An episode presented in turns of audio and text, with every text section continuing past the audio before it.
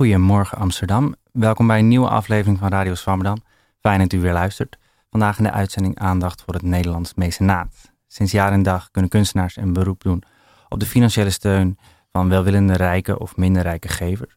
Deze gevers noemen we mecenassen, naar de Romein die zorg droeg voor schrijvers als Virgilius en Horatius en een belangrijke rol speelde in de cultuurpolitiek van keizer Augustus. Het mecenaat, zoals deze groep gevers gezamenlijk wordt aangeduid, speelt ook in Nederland een lange tijd een essentiële rol in het onderhouden van kunst en cultuur als pilaar van onze democratie. Sinds de pandemie is de roep om de steun uit de culturele sector alleen maar toegenomen en lijkt de overheid steeds meer in te spelen op de steun van het mecenaat. Om daarover te praten zijn te gast zelfstandig onderzoeker René Steenbergen. Zij promoveerde in 2002 op een proefschrift over kunstverzamelaars in Nederland, genaamd Iets wat zoveel kost, is alles waard. Binnenkort verschijnt haar nieuwe boek De toekomst van onze kunst over de systemische problemen in de kunstsector. Ook de gast is Christel Stassander. Zij is directeur van Stichting Voor de Kunst. Voor de Kunst is het crowdfund platform in de creatieve sector. Uh, daar kunnen donateurs niet alleen terecht voor uh, het leveren van een bijdrage aan een door hun gekozen project, maar krijgen kunstenaars en culturele ondernemers ook advies en begeleiding voor hun crowdfund-campagnes. Mijn naam is Pelle Intema. De tweede presentatie vandaag wordt verzorgd door Joost Ingehoes en de techniek is door Lilian. De column van vandaag is van Anne Fleur Schep. Welkom allemaal. Uh, Joost, een eerste vraag aan jou. Wanneer, wanneer gaf jij voor het laatst aan de kunst? Ja, dat is wel een beetje een gewetensvraag, uh, Pelle. En ik denk dat ik dat voor het laatst op een indirecte manier heb gedaan. vorige week sliep iemand die ik verder niet kende, die uit Berlijn kwam en in het concertgebouw moest spelen.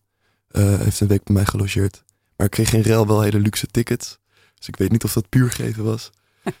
maar ik denk dat dat het laatste is. Wat ja, ik, ja, ja, ja. Nou, ik denk dat we vandaag ook wel gaan leren dat in een geefrelatie ook altijd bepaalde vorm van wederkerigheid plaatsvindt.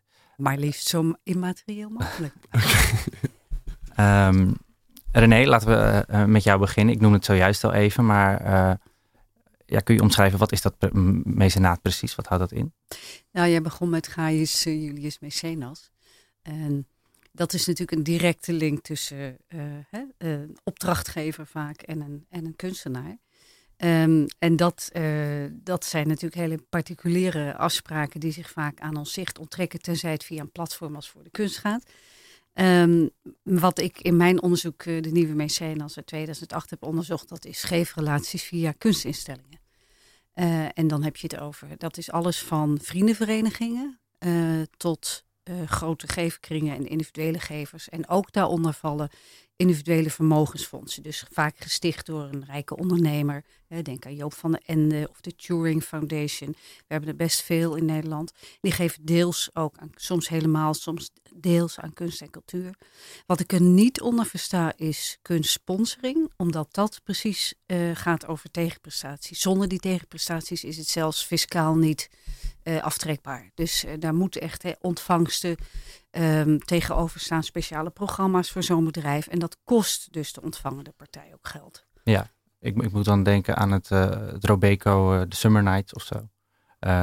waar ja, bedrijven e-, echt hun naam geven aan ja, dat heb je natuurlijk ook. Dat heet dan in kind, in natura. Hè. Dus in dat geval is Robeco, die, doet de, die neemt de marketingkosten op zich. Vandaar dat ze ook hun eigen naam daarbij mogen voeren. Hè. Of Philips die de ledlampen voor uh, het uh, uh, heropende Rijksmuseum gaf. nou, hè. De, maar daar is natuurlijk ook een bepaald voorbeeld, voordeel aan voor zo'n bedrijf. Hè. Een bierbrouwer die een beetje sponsort uh, in het café of een, of een koffieleverancier. Dat zijn eigenlijk zakelijke deals. Dus dat blijft wat mij betreft buiten beschouwing. Ja, ja, ja. Uh, waarom, je begon net al even over je onderzoek. Waarom is het nou belangrijk om via wetenschap inzichten te verkrijgen in geefcultuur in Nederland? Ja, uh, omdat, omdat we graag willen weten hoeveel uh, en waarom vooral er wordt gegeven. Ik, ik ben eigenlijk iemand die niet zozeer kwantitatief onderzoek doet. Dat, dat kan je, hè, dat is fijn dat anderen dat doen. Het Centraal Cultureel Planbureau heeft natuurlijk allerlei gegevens over cultuurconsumpties, als dat dan heet. Uh, geven in Nederland van de VU, die, die doen steeds proefgewijs onderzoek om de twee jaar. En wat ik doe is, waarom geven mensen en hoe geven mensen? En um, ja, die motivatie, hoe kun je mensen ook uh, betrekken en uitnodigen om te geven. En liefst ook een bredere groep dan alleen nou ja, de bekendere mensen die toch al het een en ander doen. Daarom is het wel belangrijk om te weten wat mensen motiveert. Ja, ja en uh, wat motiveert mensen dan zowel? Ja, dat is natuurlijk een enorme waaier van uh, het leuk vinden om dichter bij de kunst betrokken te zijn. Hè? Want als je iets geeft, dan mag je vaak achter de schermen kijken. En dat is natuurlijk zeker in de theater en de, en de muziekwereld is dat heel leuk. Um, je leert er ook van. Um, het heeft natuurlijk ook wel een zeker prestige. Hè? De kunstwereld heeft echt wat te bieden. Er zijn openingen in musea, er zijn premières van, van, van theater, opera. Dat is natuurlijk allemaal, ja, dat zijn ook wel manieren om jezelf te laten zien als je dat leuk vindt. En sommige mensen zijn daar gevoelig voor. En dat is tegenwoordig ook wat minder um, Calvinistisch dan het uh, 20, 30 jaar geleden was. Toen was dat eigenlijk not done. En nu zeg je, nou, dan mag je best, uh, hè, als jij dat leuk vindt, nou, dan doen we dat voor je. Ik zeg er wel altijd bij, het geeft doel moet centraal staan. Ja, ja. Dat is het belangrijkste.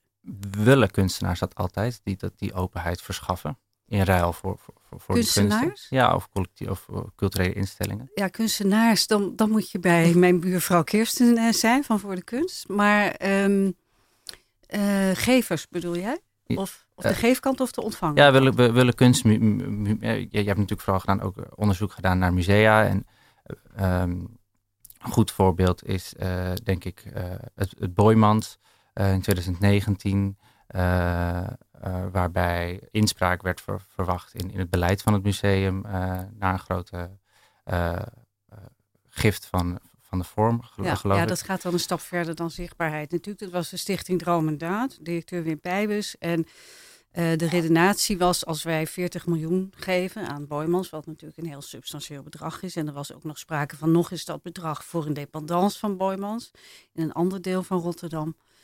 Dan willen wij zetels in de Raad van Toezicht. Ook met het idee dat uh, directeur Charles Ex dan inmiddels vertrokken was en dat er een soort continuïteit zou zijn. Dan hebben we natuurlijk in Nederland de governance code en die zegt dat we geld en invloed scheiden. Dus dat was eigenlijk, nou, een beetje ridicuul maar zeggen. En dat, zo is het ook wel in de kunstwereld bekeken. En uh, bovendien hebben we, een, uh, hebben we uh, niet, hè, we hebben een model, Raad van Toezicht, um, dat, zoals dat dan heet, non-executive is. Dus ze hebben, ze hebben een controlerende functie, maar ze hebben geen beslissende functie, geen leidinggevende functie. Dus je kunt daarmee niet het museum besturen. Ook dat is natuurlijk een denkfout. Ja. En de gemeente Rotterdam, die eigenaar is van de collectie en natuurlijk ook van het gebouw, die heeft ook heel duidelijk gezegd dat gaan we niet doen. Maar daarop heeft deze gever wel gezegd, nou ja, dan houdt het op. Dat is dan het goedrecht van een particulier. Ja. Um, om even terug te gaan naar je uh, onderzoek uit 2008. Uh, daar benadruk je eigenlijk altijd, uh, vooral de rol die, die, die het mecenaat kan hebben voor de financiering van kunsten in Nederland. kun je even kort samenvatten wat je in dat onderzoek beschrijft? Ik beschrijf, je moet even erbij zeggen, het boek verscheen in het voorjaar van 2008 toen uh, zaten we uh, eigenlijk in een gezonde conjunctuur, om maar even naar de economische kant te kijken. Uh, in het najaar begon wat eerst heette de bankencrisis en dat werd daarna een recessie. En in, in West-Europa werd dat zelfs een zogenaamde dubbele dip. En toen werd het een hele andere um, context. En um, dat, dat wil ik er van tevoren even bij zeggen. En wat ik signaleerde is dat een paar grote instellingen in uh, Amsterdam, rond het Museumplein, Concertgebouw, uh, Rijksmuseum, die begonnen een beetje met grote gevers aan zich te binden. En dat vond ik een interessante ontwikkeling, omdat die elkaar ook bevroegen. Hè? De peer-to-peer werving van gelijkgestemden die zeiden: Goh, joh, ik geef aan dat museum. En ik weet dat jij ook wel wat te besteden hebt, doe mee. En dat vond ik een mooie um, um, constructie. En ik heb die mensen geïnterviewd, ben dat gaan volgen. En ik heb de bredere context, ook de historische context geschetst. Van goh, zo hebben we eigenlijk een hele lange geschiedenis in Nederland. Zo zijn veel van onze nationale instellingen ook ontstaan. En wat interessant dat dat nu weer terugkomt. Uh, inmiddels kijk ik er wel een beetje anders tegenaan, maar dat is niet jouw vraag op dit moment misschien? nee, nou, daar kunnen we zo verder op gaan. Je zegt al even, je noemt al even de geschiedenis van het mecenaat in, in Nederland. Je boek, je boek schrijft, beschrijft heel mooi ehm, hoe in de 19e en begin 20e eeuw eigenlijk die veel vermogenden in Nederland ja, kunt wel zeggen, het maatschappelijk uh, de plicht opnemen om uh, culturele instellingen in Nederland een fundament te geven. Uh, kun je schetsen hoe dat ging in, in, die periode? Ja, dat was natuurlijk weer een hele andere tijd. Je moet je voorstellen dat er toen nauwelijks belasting geïnd werd. De overheid, het was eigenlijk omgekeerd met de verzorgingsstaat. De overheid was toen heel klein. Er was zelfs heel lang geen centrale overheid. Die is pas echt in Nederland ingevoerd door, door de Duitsers, door de nazi's. Dat hele centralistische idee bestond niet. Gemeenten die waren soms, hè, hadden ieder hun eigen belastingsysteem. En uh, er werd ook eigenlijk nauwelijks vermogensbelasting gegeven. En dat betekende dat particulieren een heel andere rol hadden maatschappelijk. Dus als je bijvoorbeeld alleen al denkt aan iemand als Sarfati in Amsterdam, dat weten we, die heeft, eh, die heeft gezorgd eh, eh, dat er, dat er allerlei infrastructurele voorzieningen kwamen. De familie van Lennep die heeft de duinwaterleiding laten aanleggen, zodat er gezond drinkwater kwam in de stad. Dat kun je nu niet meer voorstellen. Dat zijn nu nuts voorzieningen voor het nut van het algemeen. En dat, waar, dat waren toen particulieren die dat financierden, want de overheid had daar gewoon geen geld voor. Die bestond totaal niet in de hoedanigheid die wij nu kennen. Ehm, en dan is het natuurlijk logisch dat particulieren zeggen, nou, hè, en zelfs uh, wel begrepen eigenbelang, ik hou van kunst en cultuur. En als ik dat, dat kan ik in mijn grachtenhuis uh, met een mooie ontvangstzaal, kan ik dat en petit comité organiseren. Maar kan het ook groter aanpakken. Dan kan ik een orkest laten komen en een interessante dirigent inhuren. En laten we dan de krachten bundelen als welgestelde. En wij uh, nemen het op ons om zo'n instelling uh, van de grond te krijgen. Dat is bijvoorbeeld met het concertgebouw gebeurd is. Een naamloze vennootschap. Dat ging op aandelen dus dat is eigenlijk een hele zakelijke constructie. Je kocht aandelen. En dat kon ook misgaan. Het is ook in het begin heel moeilijk geweest. Het was heel risicovol. Het was een erg grote zaal voor een toen nog kleine stad als Amsterdam. Uh, dus ze hebben flink bij moeten lappen om te zorgen dat het uh, overeind bleef. En men zag dat echt als een, als een particuliere plicht. En dat is natuurlijk na de Tweede Wereldoorlog, hè, eerst natuurlijk de crisistijd van de jaren 30, Tweede Wereldoorlog, enorme verarming onder particulieren. Toen heeft de overheid dat overgenomen. Die is in zekere zin zelf een mecenas geworden. En dat is vanaf de jaren 80 afgebouwd toen is er gezegd, uh, we gaan uh, de Rijksmusea verzelfstandigen. We gaan meer delegeren naar provincies en gemeentes, want het, het wordt allemaal te begrotelijk voor het Rijk. En um, daar is ook bijgekomen, met name sinds 2008, die, uh, die dubbele recessie. particulieren kunnen ook wel wat meer doen. Dat was de gedachte van de overheid. Ja, ja dat is iets wat we nu in tijden van crisis met name voelen misschien. Ja, terwijl een ehm, crisis natuurlijk geen goed moment is om mensen daarop aan te spreken, want die hebben dan ook zo hun financiële problemen vaak. Nee, ja, daarover uh, later graag meer. Um, in je boek gaat het uh, deels ook over het buitenland, uh, even over Duitsland. Ik moet vaak denken aan Frankrijk als ik aan het land denk waar cultuur voor opstaat. Um, hoe zou je die um, relatie tot de culturele sector en het mecenaat in Nederland vergelijken met landen waar cultuur zo hoog staat als Frankrijk of Duitsland? Het is natuurlijk altijd een beetje moeilijk om te vergelijken, omdat het heel anders ingerichte samenlevingen zijn. Dus uh, uh, Duitsland, Engeland, Frankrijk hadden een aristocratische bovenlaag. En die waren over het algemeen verantwoordelijk voor kunst en cultuur. Ze hadden het zelf in huis, ze woonden erin. Dat is langzamerhand en natuurlijk opengesteld. Um, en inderdaad, uh, met name Frankrijk is nog in veel grotere mate uh, centralistisch. Um, en daar hoort bij, ze heeft ook een president. En een president is, ja, ja, toch wel misschien wel een heel klein beetje een op, uh, opvolger van de koningen die ze hadden. En daar hoort bij grandeur. Dat vinden de Fransen in ieder geval.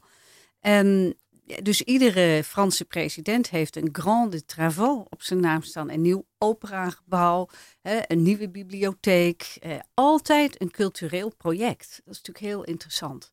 In Nederland kennen we dat niet op die manier. Het is een republiek heel lang geweest tot in de 19e eeuw. Um, en uh, de burgerij hè, steunde um, kunst en cultuur, zoals ik dat net ook beschreef, nam daarin ook zijn verantwoordelijkheid. Maar dat waren wel mensen die gewoon uh, geld verdienden uit een inkomen. En als het minder goed ging, dan was er ook minder geld te besteden. Um, dus uh, je kunt die samenlevingen heel moeilijk vergelijken. Maar het is zeker een klacht vanuit de cultuursector dat uh, de overheid kunst en cultuur niet ziet als iets waarmee ze eer kan inleggen. Um, want dan zou er misschien meer geld voor uitgetrokken worden. Wie ja, weet. Ja, uh, in je nieuwe onderzoek uh, ja, gaat het ook echt over die systemische pro problemen die je nou, net al een beetje benoemt. Uh, kun je die, die, die opnoemen, die, een aantal die je in je onderzoek hebt gevonden? Breder dan mecenaat ja? Ja. Nou, een van de um, Kijk, in 2011 is heel sterk uh, bezuinigd. Hè, in die recessie, uh, onder meer op kunst en cultuur, overigens ook op zorg en onderwijs. En er is gedecentraliseerd. En dat gaf weer uh, problemen op, bij, op gemeenteniveau, waardoor daar, ook daar op kunst en cultuur is bezuinigd. Niet alleen bij het Rijk, maar ook bij de gemeente. En um, wat je dan ziet, is dat tegelijkertijd de subsidie-eisen worden opgeschroefd dus meer eigen inkomsten genereren. Dat is kaartjes en sponsoring, maar ook private giften en vermogen, uh, gelden uit vermogensfondsen. Um, en tegelijkertijd de eis om meer output te hebben, meer te produceren. Nou, met minder geld meer produceren heeft geleid tot roofbouw op de eigen mensen. He, moet je je voorstellen dat twee derde van de cultuurwerkers is freelancer.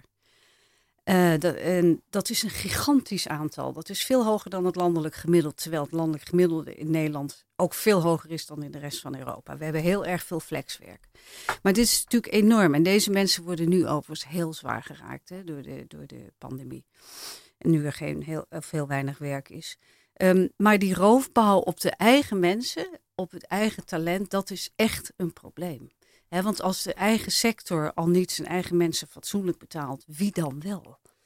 Um, en dat hebben we dus zover laten komen met elkaar. Ik vind dat heel ernstig. En dat is moeilijk te repareren, vooral doordat de pandemie echt voor een uittocht heeft gezorgd. He, muzici, acteurs die geen werk meer hebben, die ook zien van voordat ik er weer tussen kom door al die uitgestelde programmering die steeds maar weer opschuift, ben je jaren verder. Dat kan ik niet overbruggen. Ik ga, uh, heel veel mensen hebben zich laten omscholen. In Engeland zijn er cijfers over, hier helaas nog niet. Uh, maar dat, dat zou wel eens over uh, 50.000 mensen kunnen gaan. Hè? Een derde van ruim ja, ongeveer 165.000 freelancers is de schatting. Nou, dan heb je dus een hele generatie die, die eigenlijk verloren is voor ook het publieksaanbod. Hè? Ook het publiek wordt hiermee tekort gedaan. En wat je dus ziet is dat zo'n pandemie, die creëert niet speciaal problemen, maar die, vergroot, die maakt zichtbaar wat eigenlijk al latent speelde. Het is als een vergrootglas. En uh, alle problemen worden um, vermenigvuldigd. En Ja. dat geldt in het bijzonder voor deze groep. Ja, ja. Eh, zeer zorgelijk. Ehm, we gaan later aan het eind van de uitzending graag met elkaar eh, in discussie over wat we zouden kunnen, kunnen doen. Ehm, dan wil ik eigenlijk graag verder gaan met jou, eh, Christel. Jij bent dus directeur van eh, eh, Stichting voor de Kunst. Eh, ja, ik zou wel willen zeggen het grootste crowdfund-platform in Nederland voor kunstenaars om hun projecten te financieren. Ehm, ja, wat kun je over het platform vertellen? Nou ja, we zijn het grootste platform inderdaad van Nederland. En eh, wij doen dat sinds 2010. Dus dat komt ook overeen met eh, de verhalen van de bezuinigingen in die tijd. Ehm, voor de kunst is een eh, crowdfunding platform wat naast dat het alleen een online platform is waar gedoneerd kan worden aan crowdfunding projecten, ook vooral veel begeleiding omheen zit. Dus echt samen de campagne opzetten, samen donateurs werven. En ik denk wat heel belangrijk is, is dat voor de kunst, eh, op, op voor de kunst zijn grotendeels individuele makers. Dus inderdaad, dat zijn kunstenaars bandjes, ehm, ook instellingen crowdfunding zeker, maar over het algemeen zijn het individuele makers die gebruik maken van crowdfunding.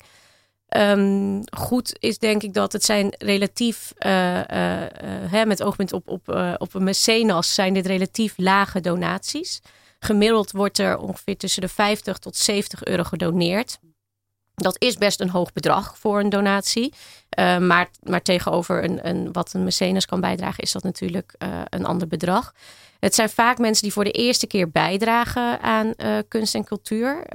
dat maakt het ook interessant van waar staat crowdfunding dan in verhouding tot, tot de hele geefcultuur um, in Nederland. En uh, ja, wij hebben de afgelopen twee jaar uh, uh, gezien dat, dat er veel gebruik is gemaakt van crowdfunding, maar ook dat er veel gedoneerd is, meer dan jaren daarvoor.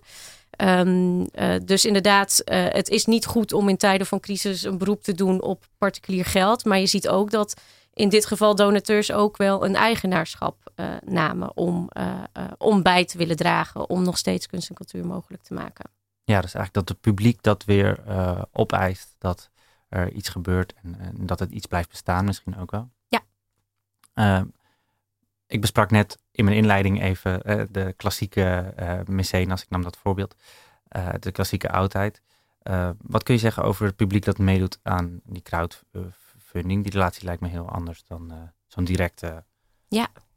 ja, die relatie is anders. Uh, uh, ik denk dat het als, als start met. Hier is natuurlijk geen uh, sprake van opdrachtgeverschap. er wordt niet tegen maker gezegd vanuit een donateur: Ik wil graag dat je dit album maakt. Ik geef jou geld, ga de rest maar crowdfunden. Dus het is echt vanuit de maker wordt het, wordt het project gerealiseerd, wordt het idee gelanceerd. En daar kun je als donateur aan bijdragen. Dus dat is natuurlijk andersom. je, je bent als donateur echt betrokken aan een beginfase. Het kan dus ook zijn dat uiteindelijk het project toch net iets anders uitgevoerd gaan worden dan dat je misschien aan het begin dacht. Ik denk dat dat voor donateurs het ook wel spannend maakt om bij te dragen. Van hè, gaat, gaat dit lukken en hoe gaat dat er uiteindelijk uit uh, te komen zien? Um, ik denk wel, waar we ook resistie moeten zijn, crowdfunding is natuurlijk ook gehyped. Hè? Het is heel erg positief. Oh, dit is nieuw en uh, online. En, maar er wordt natuurlijk al heel lang bijgedragen. Ook door, uh, door relatief wat, wat, wat kleinere donateurs.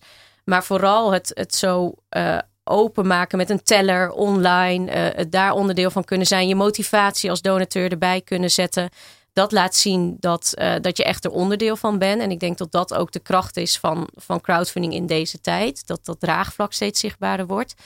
Um, het start wel heel vaak bij uh, de eigen achterban van een maker. Uh, hè, jullie hadden net al over de reden waarom donateurs geven. Begint vaak natuurlijk in dit geval bij: vind ik deze maker goed? wil ik hier aan bijdragen? Vervolgens wordt gekeken: oké, wat, wat wordt er dan gerealiseerd? Vind ik dat ook um, goed. Dus het zijn wel vaak in eerste instantie donateurs die dicht in het netwerk zitten van een maker. Maar op het moment dat je vaker een campagne gaat doen of je komt verder in je crowdfunding campagne, dan zie je ook dat het netwerk uh, wat, wat, wat verder van de maker afkomt staan. Dus dan komt de zogenoemde nieuwe donateur, waar iedereen natuurlijk naar op zoek is. Want die willen we allemaal, de nieuwe donateur.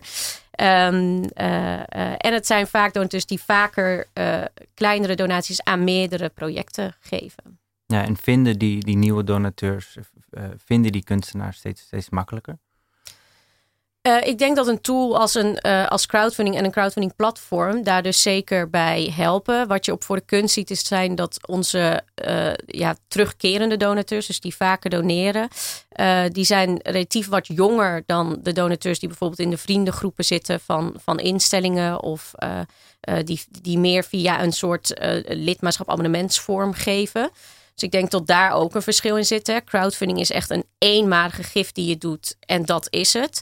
Betekent niet dat je niet vaker aanspraak daarop die groep kan maken. Maar je, je wordt natuurlijk niet lid van een, uh, of een vriendenclub of de vriendenborrel. En ik denk dat dat um, uh, ook wel een verschil is in, in doelgroep. Dus daarin zien wij wel in, in de onderzoeken die wij ook doen. Maar daarom is wetenschappelijk onderzoek ook heel belangrijk voor uh, platformen als, als voor de kunst. Dat we weten wat zit daarachter, waarom dat gebeurt.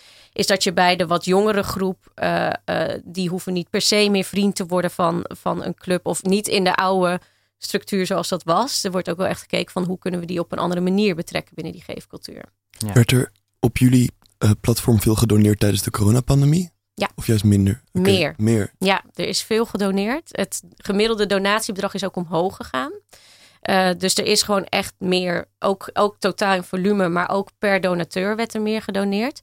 En het meest opmerkelijke, dat nou opmerkelijk, dat was super fijn, maar dat we ook merkten dat wij gewoon gebeld werden door donateurs van ik wil nu kunst en cultuur ondersteunen, kan ik dat bij jullie doen? Nou ja, dat, dat kan, moet je wel een campagne doen, maar eh, dat liet natuurlijk wel echt zien dat er, eh, eh, nou ja, dat, dat de donateurs weer zich misschien wat meer uitspraken. Zeggen van ja, maar het is ook belangrijk dat we dit doen. Ja, en dat uitspreken hoort dat ook bij een notie dat kunst en cultuur misschien niet als een ander doel echt een, een puur goed doel is, maar dat het ook iets heel erg iets wat teruggeeft eigenlijk aan de maatschappij.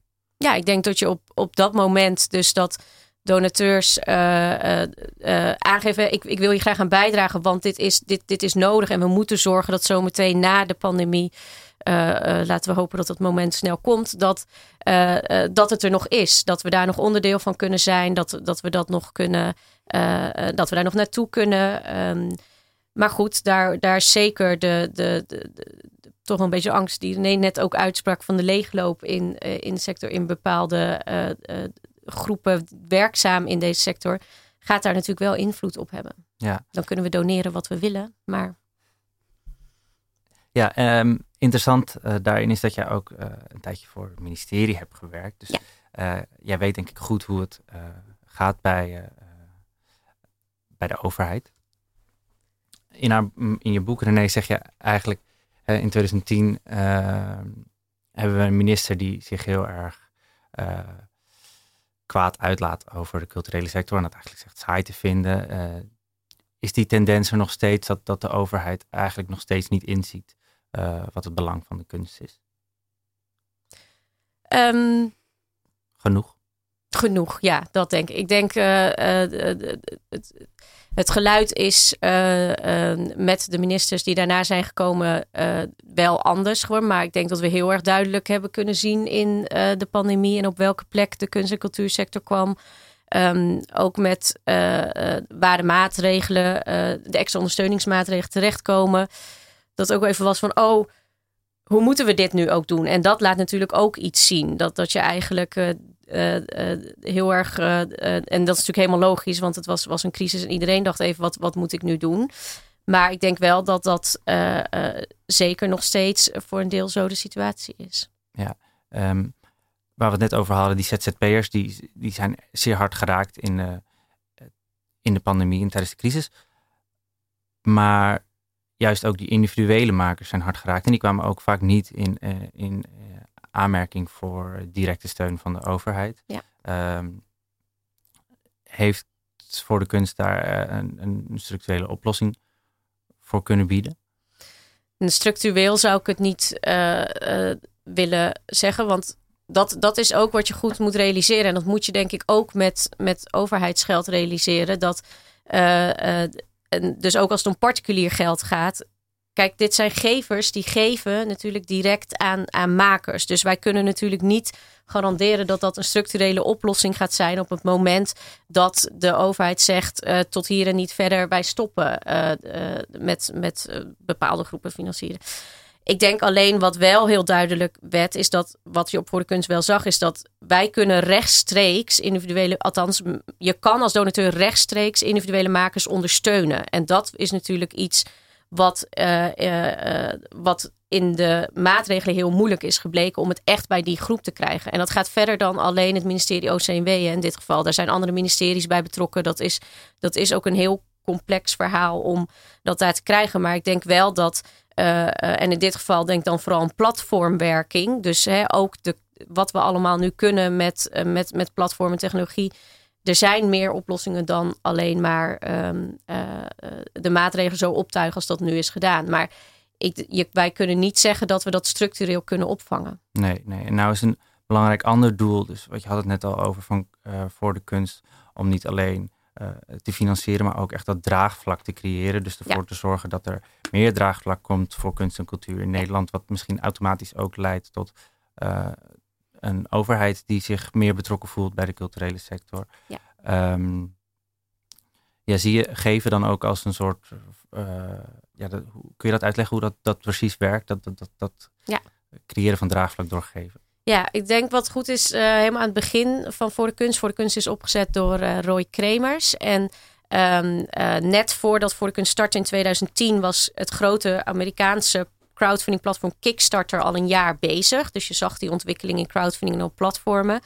En um, uh, wat, wat wij merkten heel aan het begin is dat je heel vaak moet uitleggen. Ja, maar waar is dat geld dan voor nodig? Wat kost het dan om dat te realiseren?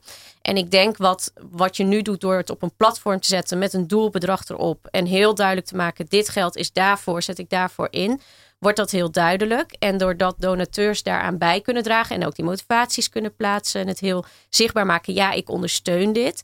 Laat je dus ook zien van wat donateurs belangrijk vinden om te uh, dat er wordt gerealiseerd. Um, maar maak je ook inzichtelijk hoe dat proces eruit ziet. En ik denk dat dat heel belangrijk is voor, voor het draagvlak. En ook wel naar, um, naar Den Haag toe, dat je dat duidelijker kan laten zien van ja, maar het is heel belangrijk dat, dat dit er is. En dat is hier en hier en hierom. En dat, dat klinkt misschien heel plat, maar het is wel goed als, als dat goed te onderbouwen is. Want dat is wat, uh, wat natuurlijk veel uh, in Den Haag gebeurt. Dus ik denk zeker dat dat, um, dat dat door een crowdfunding platform inzichtelijker wordt. Alleen we moeten ons wel realiseren, dit is maar een klein onderdeel van alles wat er binnen de sector gebeurt en wat er wordt gerealiseerd. Maar um, uh, meer aanspraak doen op die G-vraag kan daar wel uh, een rol in spelen. Ja. Daar iets over ja, zeker. ja, ik ben het heel erg met uh, Christel eens. Dat het is natuurlijk altijd aanvullend. Hè? En dat is natuurlijk een, een, ofwel een denkfout of een, een opportunistisch beleidsinstrument. dat, um, we moeten goed begrijpen dat hoeveel er ook wordt gegeven, en ook in de Verenigde Staten of waar dan ook, geefgeld is een fractie van de jaarlijkse belastinginning van de algemene middelen. Hè. Um, en dat kan het dus nooit compenseren. En het is dus uh, volkomen onterecht en zelfs eigenlijk heel misleidend uh, om te doen of dat wel het geval zou kunnen zijn als kunstinstellingen of kunstenaars maar meer hun best doen. Zo werkt het niet. Dat is gewoon, staat niet in verhouding tot elkaar. Het is aanvullend. En het is dus ook meestal voor aanvullende dingen bedoeld. En waar algemene middelen voor bedoeld zijn, is voor het, wat ik dan noem het faciliteren. dus het gebouw, dat het, dat het wordt onderhouden, dat de verwarming draait, dat de supposten betaald zijn, dat de deuren open kunnen. En dan kun je uh, bezoekers erbij betrekken en uh, misschien uh, uitnodigen om en ook daadwerkelijk zover krijgen dat ze wat extra's doen. Maar ze hebben ook belasting betaald. Ja. En daar mogen ze iets voor terug verwachten, namelijk dat er gezorgd wordt voor de infrastructuur. Daar zijn particulieren niet verantwoordelijk voor via private giften. Ja. Want zie je nu volgens jou René dat de overheid zich juist een beetje terugtrekt vanwege die crowdfundingsacties? Of dat het een onbedoeld gevolg kan zijn dat de overheid zich minder verantwoordelijk voelt? Nou, de verschuiving die ik zelf heb gezien en waardoor ik nu veel sceptischer ben over het stimuleren van mecenaat aan zich, hè, als, als, als doel in zichzelf. Uh, dat is dat het inderdaad uh, als een instrument is ingezet. Um, en dat is, dat is oneerlijk. Hè? Want je, je, moet, je kunt het niet tegen elkaar. Ten eerste, het zijn geen communicerende vaten. Dat is, blijkt elke keer uit onderzoek. Als de overheid minder doet, gaan particulieren niet meer geven. Sterker nog, als de hoofdfinancier zich gedeeltelijk terugtrekt, schept dat geen vertrouwen. Hè, dan denken mensen, nou, eh, ja, het is toch een soort keurmerksubsidie. Um, niet iedereen kan alles maar zelf beoordelen. Dus je denkt, nou, oké, het is goed gesubsidieerd dat zal wel kloppen. Um, dat, is, dat is al denkfout nummer één die de overheid maakt. Dus kortom, mecenaat vereist een betrouwbare overheid. Dat zijn partners en die moeten elkaar in evenwicht houden. En niet overheid doet minder, dus particulieren doen meer. Omgekeerd, dat is dan weer het goede nieuws. Betekent dat dus ook dat als er meer gesubsidieerd wordt, dat dat niet per se betekent dat mensen minder gaan doen. dus uh, daar zou je juist uh, uh, beter op in kunnen zetten eigenlijk. we hebben het goed gefaciliteerd, de infrastructuur is op orde. En het is heel fijn als u wat extra's wil doen ehm, voor vaak projectgerelateerde wervingsacties. Ja, die infrastructuur betekent natuurlijk ook dat uh, instanties hun lonen gewoon degelijk uh, Fair pay. Ja. kunnen betalen. Wat ik interessant vind is wat je noemt, is, is, is dat keurmerk. Hè? Dus uh, um, dat mensen het idee hebben dat een kunstinstelling het waard is om in te investeren of misschien überhaupt te bezoeken. wat zegt dat over inclusiviteit? En, ja, en, en, nou ja, dat is een van de andere punten waardoor ik wel meer second thoughts heb over hoe het nu gaat met het mecenaat. Wat je ziet is dat natuurlijk de grote, toch al succesvolle en ruim gesubsidieerde instellingen krijgen het meeste particuliere geefgeld. Zowel van de vermogensfondsen als van de meer uh, vermogende particulieren. En die zoeken toch het succes op. En daar heb je, als je dat wil, ook die exposure, die openingen, die premières waar je gezien uh, wil worden. Um, dus het gaat uh, vaak naar dezelfde soort instellingen en veel minder, wat je zou hopen van mecenaat, naar juist de start-ups, de kleinere organisaties, uh, uh, de experimenten. Terwijl de overheid met algemene middelen, dat is geen risicogeld. Die, die moet daar niet hele wilde dingen mee gaan doen. Maar daar is nou juist het private geld geschikt voor. En dat gebeurt toch eigenlijk relatief weinig. Men volgt toch over het algemeen uh, ja, de gebaande paden. Hè? En, dan kom je eerder bij de klassieke muziek terecht dan bij de experimentele uh, hedendaagse. Um, dat, hè, en, en men vindt theater hè, met misschien confronterende uh, teksten, vindt men dan toch ingewikkelder dan een concert. Um, dus ja, daar, mecenaat is uh, niet altijd. Ik denk dat bij crowdfunding anders uh, ligt of kan zijn. Maar het, het grotere mecenaat is behoudend, is conservatief over het algemeen. Je noemde in je inleiding al even Joop van der Ende als grote mecenas in Nederland. Zie je dan ook voor je dat uh, de Joop van der Ende Foundation andere vormen van kunst gaat subsidiëren, andere projecten? Nou, ze hebben natuurlijk eerst heel erg ingezet op talentontwikkeling. Hè? Dus dat jongeren uh, in aanraking komen met theater en uh, zich kunnen ontwikkelen. Maar nu zie je dat natuurlijk een heel groot deel van die jaarlijkse 10 miljoen gaat naar het eigen De Lamar Theater. Uh, en dat is weliswaar een, uh, een geefdoel waar het publiek van kan profiteren. Maar het is wel een eigen project dus er is wel een, uh, een versmalling gekomen in, in geefdoel. En dat is natuurlijk ook wat aantrekkelijk is voor vermogenden. En, en dat, uh, dat moeten we ons goed realiseren.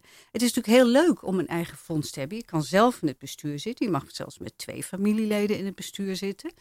Um, dus je kunt je geld veel meer sturen dan via de belastingafdracht. Maar we moeten die algemene middelen wel op peil houden. Want dat wordt via democratisch proces besloten. En geefgeld kunnen wij niet sturen. Dat moeten we ons realiseren. Als mensen allemaal naar hetzelfde geefdoel willen, dan is dat hun goed recht. Toch uh, denk ik dat crowdfunding daar een mooie aanvulling op, uh, op is. Um, daar wil ik straks uh, nog verder over praten. Maar we gaan eerst naar de column. En die is vandaag van Anne-Fleur Schep. Zij schreef een column over een hand uit de Adams Family en een hand uit de schilderij van Dali.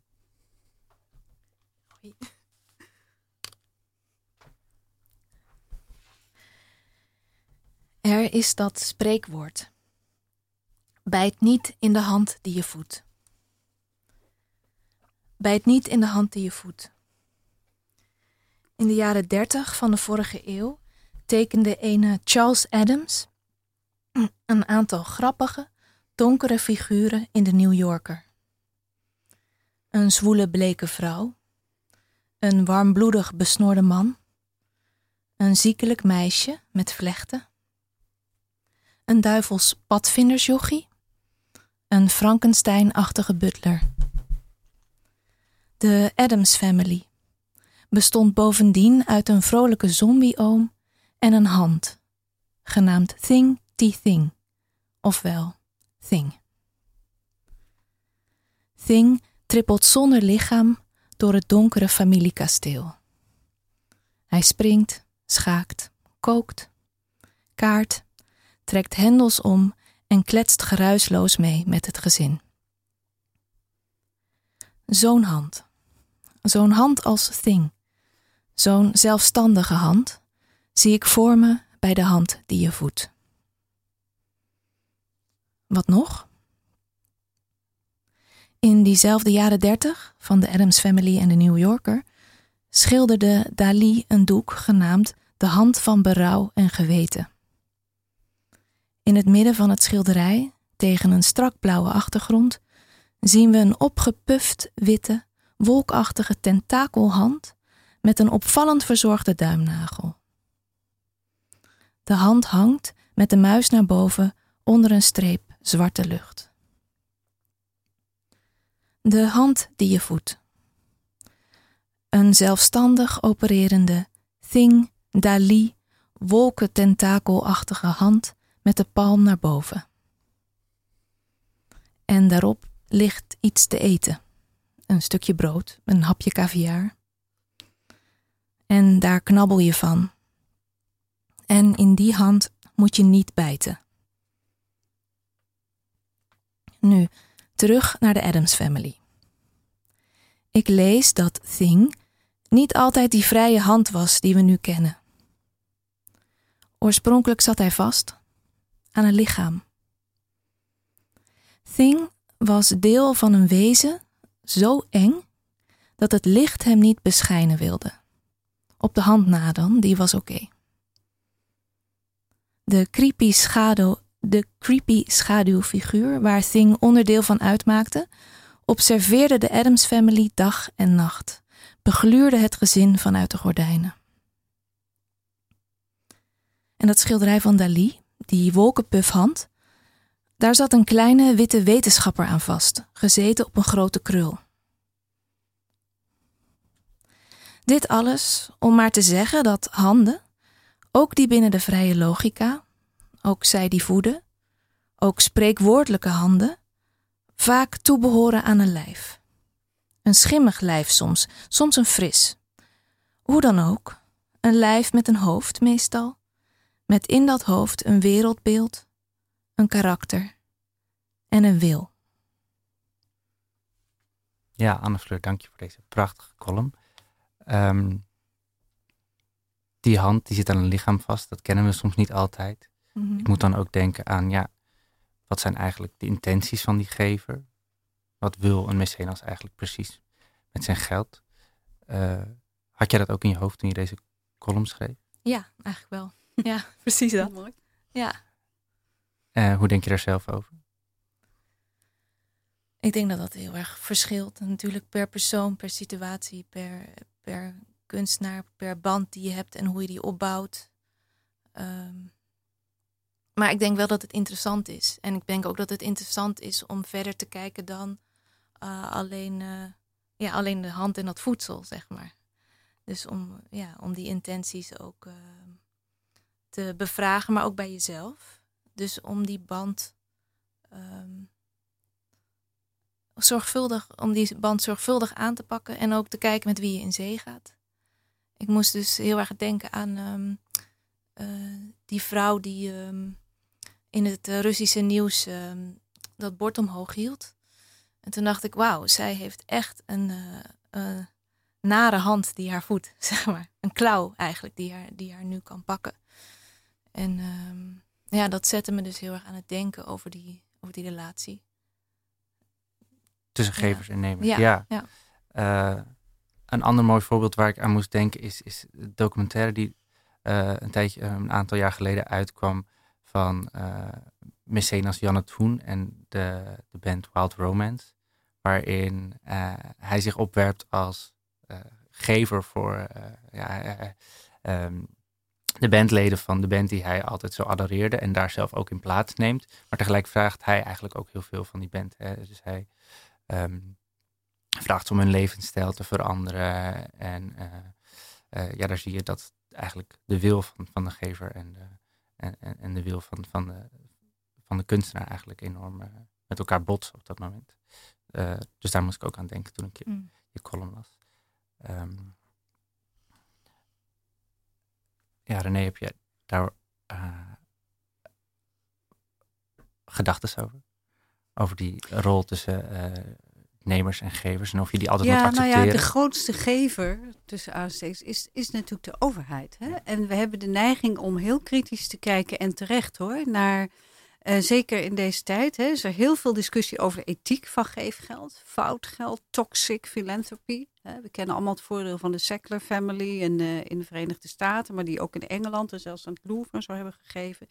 En die hebben dat allemaal afgebouwd, die relatie onder druk van kunstenaars overigens, die vooral daartegen protesteerden. Hè, want het is een heel verslavend middel, die, die, die opioïden die zij fabriceren. Er zijn mensen aan overleden dus de, de discussie over de herkomst van geld die wordt heel erg gericht op particulieren en terecht.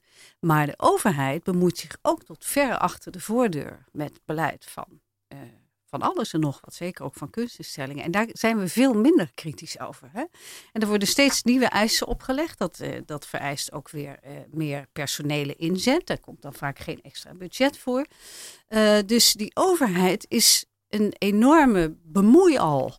En dat mis ik wel eens in de discussie, dat evenwicht ertussen. En ik vind dat mensen in de kunstsector daar ook wel wat uh, meer burgerlijke ongehoorzaamheid in aan de dag zou mogen leggen. Niet altijd even volgzaam in die subsidie-eisen. En ook zeggen, luister eens even, hier is de voordeur en daarachter, daar gaan wij erover. Hoe we dat doen en op, uh, in welk tempo en, enzovoort. En dat, dat hoor je toch niet zoveel. Dan noem je uh, burgerlijke ongehoorzaamheid. Wat zie je dan voor je? Zie je voor je dat kunstenaars de straat opgaan. Nou ja, waarom het weer de verantwoordelijkheid bij de kunstenaars te leggen. Wat we natuurlijk bij de pandemie hebben gezien was, de instellingen zijn overeind gehouden. Met de bedoeling van nou, dan, dan druppelt dat wel door naar die freelancers en die makers. Nou, dat is dus heel weinig gebeurd. Want wat hebben instellingen ook niet heel onlogisch gedacht. Ik pot dat op. Want hoe lang gaat dit duren? En daarna eh, moeten we misschien deels terugbetalen. Dus wij gaan reserves opbouwen. Dus die bulken nu van het geld. Um, en uh, kunstenaars hebben het vaak niet gekregen en andere makers, freelancers. Uh, en komen dan om allerlei redenen ook niet voor bijstand in aanmerking. Want er zijn dan weer eisen aan verbonden, waardoor je daar weer net buiten valt. Um, dus um, dat is natuurlijk heel erg tragisch. Hè? Dat we eigenlijk inhoud en middel hebben we omgedraaid. Als we de, de mensen die de inhoud leveren niet goed betalen ja, waarvoor hebben we dan al die instellingen? Waarom houden we die dan overeind? Want die zijn alleen maar een intermediair tussen de maker en het publiek. Dus een hele vreemde omkering. En dat zie je natuurlijk, hè, die institutionalisering. Instellingen gaan op een gegeven moment, lijkt het wel of het hoofddoel is om zichzelf in stand te houden. En ja, daar, daar doen ook veel gemeentes natuurlijk aan mee, eh, overheden met, eh, we steken heel veel geld in nieuwe gebouwen, in stenen, en misschien zouden we de focus wat moeten verleggen en eerst eens wat meer geld besteden aan de mensen. Ja, uh, mooi voorbeeld. Uh, we hadden in ons voorgesprek ook even over de gemeenteraadsverkiezingen van, uh, van afgelopen week. Um, gemeenten bepalen ook vaak waar het geld naartoe gaat.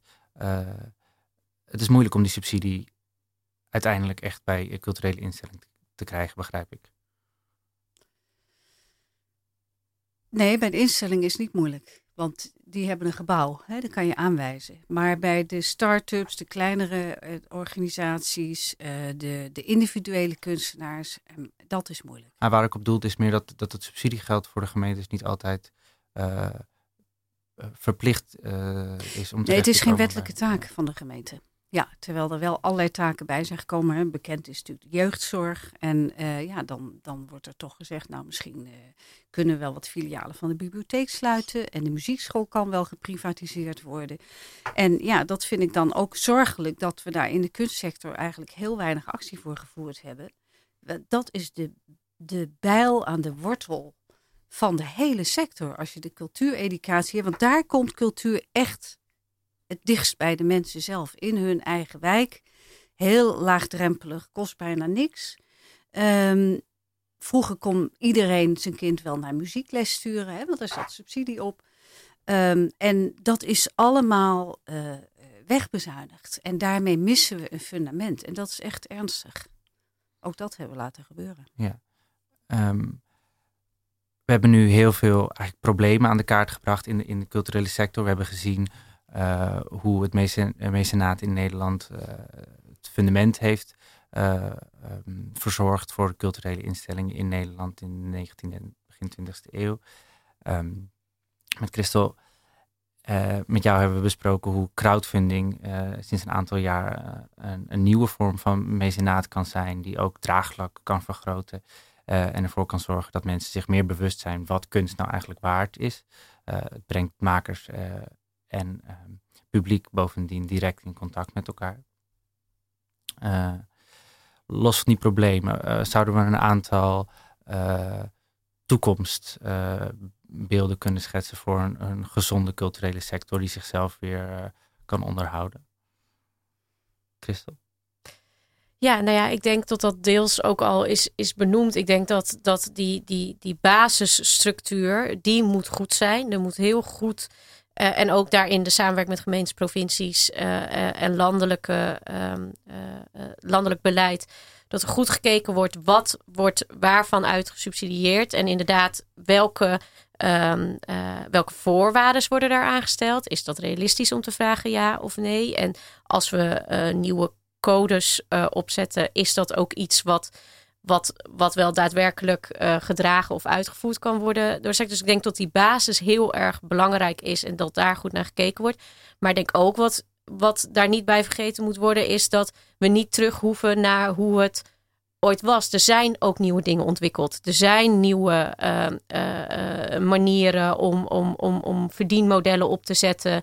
En ik denk dat dat juist een heel goed iets is. Maar ik denk dat daarom het ook goed is dat dat correspondeert met die basis die er moet zijn. Want dat gebeurt nu niet altijd. Er wordt inderdaad wel veel gezegd. ja, particulier geld moet er meer in. Dus dat, dat, dat stimuleren we dan. Maar in hoeverre wordt het echt gestimuleerd? Eigenlijk niet, want het blijven allemaal verschillende, uh, uh, verschillende werelden. En het, en het moet allemaal maar uiteindelijk in de praktijk. En eigenlijk bij die individuele maken moet het allemaal maar samenkomen. Uh, maar er wordt vanuit de, uh, het, het, het, grotere structuur wordt dat niet gestimuleerd. Dus ik denk dat ik dat juist als, als we nu zouden kijken waar we nu staan. Ik denk dat, dat er zeker heel veel grote pijnpunten heel erg duidelijk zijn geworden de afgelopen twee jaar. Waarvan we eigenlijk ook echt al wel wisten dat die pijnpunten er zaten. En misschien toch gewoon dachten, hè, we rollen door. Want we, hè, we willen ook wat, wat, wat, althans wat ook bij voor de kunsthilfe hè, blijven maken. De drang om dingen te willen produceren. Ehm, maar ik denk dat het wel echt bij die basis uh, uh, kan het anders en uh, moet het verstevigd worden. Maar we moeten ook niet vergeten alle ontwikkelingen die al zijn geweest en die meer laten samenwerken. Ja, ja. René, je daar, sluit je daarbij aan? Ja, inderdaad. Ik denk eh, een betrouwbare overheid. Hè, en die, dit is natuurlijk toch al. Eh, kunstenplannen wisselen ieder vier jaar. Dat is best, best, snel. Hè. Je bent net op stoom en dan moet je alweer eh, gaan voorbereiden voor de volgende ronde. Om aan te vragen. Um, er zou ook meer een soort exit-strategie moeten zijn. Want we kunnen niet alles eeuwig subsidiëren. Op een gegeven moment moet je ook zeggen, er zijn allerlei nieuwe interessante initiatieven. Daar is eigenlijk helemaal, ook vanuit de sector, geen visie op. Er is ook centraal geen regie over. Dus of je krijgt, of je krijgt niks. En er is geen overgangsregeling waarmee heel veel talent ook tussen wal en schip dreigt te vallen. Um, en zeker is het natuurlijk, hè, het positieve is zeker van kleine tot grote gevers, dat het meer betrokkenheid geeft. En dat dat mooi is en dat we dat zeker uh, moeten koesteren. Alleen moeten we ons er heel goed van bewust zijn dat mensen daar keuzevrijheid in hebben. En dat we daar, en de overheid probeert alsmaar regie daarop te houden. Dat vind ik ook een vorm van wantrouwen. Hè? Ik bedoel, laat mensen hun eigen uh, belangstellingen en voorliefdes uh, ook volgen. Uh, maar zorg dat de basis, de infrastructuur, dat die goed op orde is. En dan kan er heel veel. Want mensen zijn zeker bereid, wat jullie ook gemerkt hebben, gelukkig bij Voor de Kunst, zijn enorm bereid om iets extra's te doen omdat ze het belangrijk vinden dat hun theater of die kunstenaar die ze kennen of uh, die mooie, dat, die mooie concerten, dat dat, dat, dat dat door kan gaan. Daar hebben ze zelf natuurlijk ook profijt van. En dat mag. Dus die wisselwerking, uiteindelijk moet het natuurlijk, is, je draagvlak is je publiek. En als die behalve dat kaartje, want dat is ook inkomsten, ook nog een gift willen doen, ja, dat is natuurlijk het mooiste wat er is. Ja, laten zien wat kunst waard is. Dat kunnen we onderdan. En ook uh, daar naar handelen. Nou, en daarmee zijn we denk ik aan het einde gekomen van deze uitzending van Radio Swammerdam op Radio Salto. Vandaag hadden we het over het mecenaat in Nederland en bespraken we de complexe relatie tussen gevers en ehm, culturele instellingen, maar ook individuele kunstenaars en hun belang voor het onderhouden van de toekomstige culturele sector. In de studio waren te gast onderzoeker René Steenberger en voor de kunstdirecteur Christel Sassander. Heel erg bedankt voor jullie komst allebei. De column was aan de hand van Anne Fleur Schep en mijn medepresentator was Joost. Lilianne wil ik graag bedanken voor de techniek. Deze en andere uitzendingen kunt u terugluisteren als podcast op onze website radioswammerdam.nl en zijn ook te vinden op Spotify, Soundcloud en iTunes. Live luisteren kan elke zondag om 11 uur via salto.nl. Wilt u reageren op deze uitzending? Dat kan via Instagram, Radio Swammerdam, Facebook of Twitter. U kunt ook reageren door een mailtje te sturen naar redactie.radioswammerdam.nl. Mijn naam is Pelle Intema en ik was uw presentator van vandaag. Volgende week zijn we weer met een nieuwe uitzending over wetenschap op Radio Salto. Bedankt voor het luisteren en nog een hele fijne zondag.